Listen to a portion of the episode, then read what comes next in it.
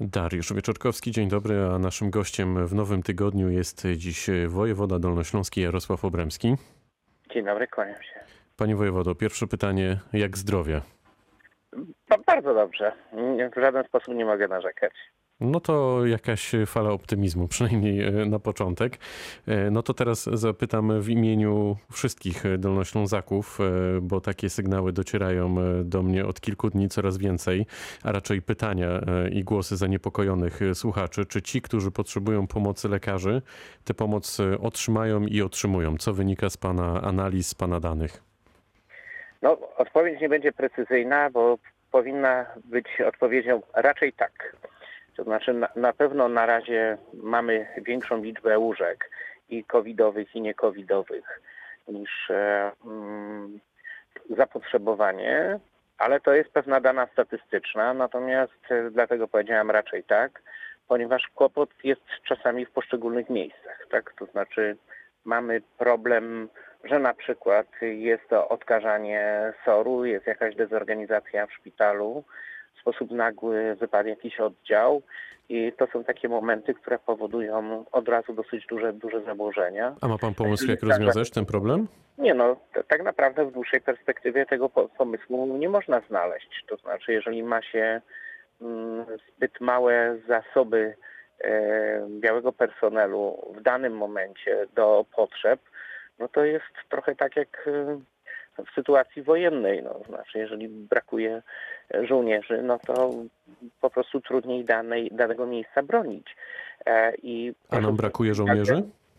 No, białego personelu mm, w niektórych momentach, w niektórych miejscach tak, a w przyszłości może być większy problem. Proszę zwrócić uwagę, że wzrost pandemii powoduje także wzrost zachorowań e, wśród białego personelu, lekarzy, ratowników medycznych, pielęgniarek. I to jest według mnie w tej chwili największy, największy problem e, zarządczy. Nie ilość łóżek, tylko ilość, ilość personelu. Stąd działania rządu polegające na obniżeniu norm przypadających na, na jedno łóżko, chociażby anestezjologów, ale to też odbywa się często poprzez e, dosyć trudne rozmowy. Mm, A ile w tej chwili my w ogóle mamy wolnych łóżek e, na Dolnym Śląsku? No i ile jeszcze ich e, przypędzi, przybędzie? Ale tak sobie myślę, że w ogóle najważniejsze dane to są respiratory, no i obsługa ludzi, którzy te respiratory mogą No teraz tak. moderować. No, znowu, to jest następny kłopot. Proszę zwrócić uwagę, że wolne łóżko to jest trochę jak gdyby mebel. To jest tak, że to są zgłaszane dane do NFZ-u. Już mam kilka razy miałem przypadek, że w momencie, kiedy nakładamy na podstawie danych e- z NFZ-u, to są dane, które później powodują mm, pieniądze, które idą dla danych szpitali. No już mi się zdarzyło kilka razy, że powiedziano, że fałszywe dane dawano e, NFZ-owi. W związku z tym Bo szpitale chcą zarobić? Bo szpitale są zarobić i nie dotyczy to tylko szpitali publicznych. E, więc to, to wszystko jest trudniejsze niż, niż by się chciało, ale generalnie ja uważam, że do momentu, e, oczywiście z, znowu będą różnice w miejscach, tak, ale jeżeli będziemy mieli poziom dwóch, mówię o łóżkach, trochę teraz o meblach, bo nie mówię o tym, że część lekarzy wypada ze względów na chorobę ale mm, do gdzieś dwóch, dwóch, dwieście mm, ilości łóżek covidowych nie powinno się to odbywać ze znaczącym uszczerbkiem dla pacjentów niecovidowych. A później jest już sytuacja bardzo dramatyczna. A kiedy realnie e, otwarty może zostać e, tymczasowy szpital e, przyrakietowej? No i tak sobie teraz e, myślę, po tych kilku minutach rozmowy z panem, kto tam będzie pracować? Skąd weźmiemy lekarzy, skoro już w tej chwili jest problem? Oczywiście, że mm, no, otwarcie, no myślę, że jednak e, jeszcze trzy tygodnie, to znaczy ten nasz e, szpital będzie pewno etapowy, więc być może pierwszą część uda się szybciej. Em, Szpital e, mm, tymczasowy ma troszkę inny sposób działania, to znaczy to, co my przygotowujemy, to jest takie rozwiązanie, no jednak, przepraszam za określenie szpitala polowego, to znaczy, że nie, trochę mniej personelu, obserwuje większą liczbę pacjentów. Czyli to nie jest typowa sytuacja szpitala, gdzie jest daleko idąca, nazwijmy to, intymność e, w postaci dwu, trzy osobowych pokoi, ale troszkę bardziej takie zbiorówki po to, żeby można było lepiej wykorzystać e, personel. Nie będzie to mm, szpital komfortowy, ale jest to szpital, który ma każdemu e, z potrzebujących zapewnić mm, tlenoterapię, a niektórym także dostęp do respiratorów. Więc to jest trochę pomysł na oszczędzanie personelu. A ma pan e, dane procentowe, ile kadry lekarskiej e, w tej chwili przebywa na zwolnieniu? Czy brakuje lekarzy, pielęgniarek? Znaczy my mamy różne powody. Mamy COVID, mamy normalne L4, mamy opiekę nad dzieckiem, mamy e, także kwarantanny. No i jest tego, e, no jest zjawisko nasilające. Ja nie zbieram dokładnych danych, e, ponieważ bardziej roz, rozpatrujemy każdy ze szpitali osobno, jeżeli podejmujemy jakieś decyzje, co się dzieje. No i też e, różnie sobie szpitale z tym radzą. Czyli tutaj nie ma pan takich precyzyjnych danych, tak? I, i jaki procent kadry, czy to jest już na przykład jedna Wiem, piąta? jak jest w poszczególnych szpitalach, ale nie, chyba, chyba jeszcze w tej chwili to nie jest kwestia jednej piątej. Nie. Ale to być może dzi- dzisiaj spróbuję w takim razie to podliczyć, żeby następnym razem nie być zaskoczonym. Okej, chociaż mam nadzieję, że te wyniki nie będą e, duże, że akurat powie mi pan, że, że nie stanowi to dużego e, problemu, oby tak było. E, A jakich właściwie liczb możemy się spodziewać w najbliższych dniach, gdy myślimy o zachorowaniach na dobę? Bo na pewno takie symulacje prowadzicie, takie dane mm, gdzieś tam podejrzewam w urzędzie są.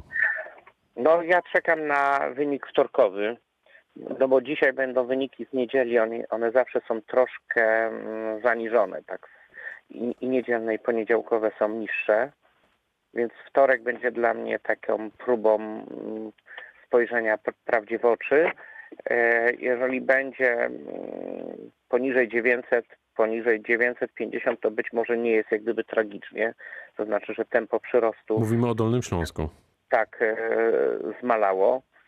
Mm, Natomiast wydaje mi się, że jeżeli by we wtorek było przekroczenie 15 tysięcy w Polsce, to rzeczywiście idziemy na niedobry scenariusz. Ten niedobry scenariusz może w praktyce oznaczać co, panie wojewodo?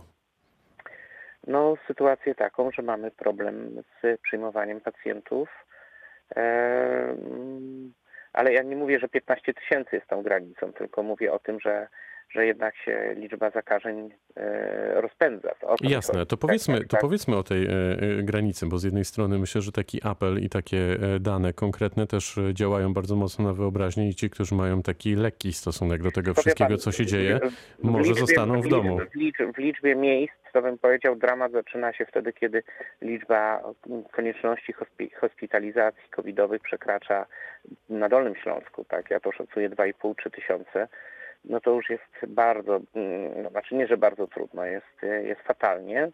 Natomiast ta liczba jest o tyle nieprawdziwa, bo jeszcze muszę to uwzględniać z ilością białego personelu. Co z tego, że znajdziemy łóżko, jak e, e, okazałoby się, że jest jedna pielęgniarka na przykład na 30 e, pacjentów, tak? No to, to, to, to przestaje być jakakolwiek opieka. To prawda. A, to, to, mhm. trzeba, to, to, trzeba cały czas modyfikować. A ma pan, e, panie wojewodo, informacje o zakażonych e, podchorążych e, z AWL-u, bo też takie informacje w ostatnich godzinach się pojawiły, że tam jest grubo ponad kilkaset osób. Tak, no, oczywiście, że mam, e, ale nie będę tego e, już wątku rozwijać.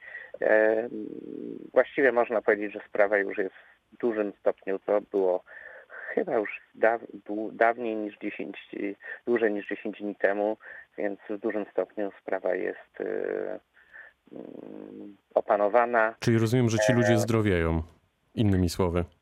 No i teraz się zastanówmy, czy słowo zdrowie jest tutaj prawidłowe. Mianowicie mamy do czynienia z bardzo młodymi ludźmi Mhm. e, i zaraz jak to się do, dowiedziałem się o tym, jeszcze rozmawiałem też z profesorem Simonem i, i, i no prawdopodobieństwo nawet, y, że mniej więcej na 100 osób w tym wieku, że coś się będzie działo jest y, mniej niż jedna osoba. No to trochę pan E, wyprzedza moje mhm, kolejne, kolejne bo, bo pytanie. to, jest, to jest takie pytanie dotyczące, że generalnie to, że, że zaczyna mieć chrypkę, że, że kaszel taki przedgrypowy i tak dalej, nikt takiego człowieka nie uważa za chorego. Mhm. E, Natomiast tutaj dotknięcie mm, koronawirusem i pewna mm, medialna globalność tego powoduje, że mówimy o takich ludziach zarażonych, że są, że są chorzy. Nie, oni tylko e, nas ewentualnie mogą zarażać i mogą powodować negatywne e, ko- konsekwencje dla, dla innych. Natomiast e, oni nie są chorzy. To czy w takim razie... Mhm. Czy w Tak, takim razie... Tak, proszę. Czy w takim razie, panie wojewodo, może pan zdradzić, bo takie dane ma pan e, na pewno, co wynika z liczb e, związanych e, ze zgonami pacjentów na Dolnym Śląsku? W jakim wieku są ci pacjenci? Ile zgonów faktycznie spowodował koronawirus? Myśmy robili takie badania po pierwszym. Dobrze, to teraz tak. Znowu, jak z badaniami naukowymi, jak, jaka jest duża próbka, jaka była weryfikacja i tak dalej. Natomiast badając na przykład e, zgony w Bolesławcu, to był jedno, e, jednoimienny szpital, e, można, o ile pamiętam, to był wskaźnik, że 85% to byli, były ludzie, byli ludzie, którzy byli e, no, jednak w miarę poważnie chorzy i znacząco osłabieni. E, Natomiast 15% było niewyjaśnionych albo było, były to osoby no, zabite prze, przez, przez COVID. No bo tego też nie wiemy, bo, bo czasami mamy jakieś choroby nieujawnione. Człowiek się dobrze czuł, a jednak coś się bardzo niedobrego tliło i COVID pewne rzeczy przyspieszył. Em, Mamy bardzo dużo przypadków wyleczenia z COVID-u e, i o tym się trochę mało też mówi. E, ludzi powiedzmy po o tym.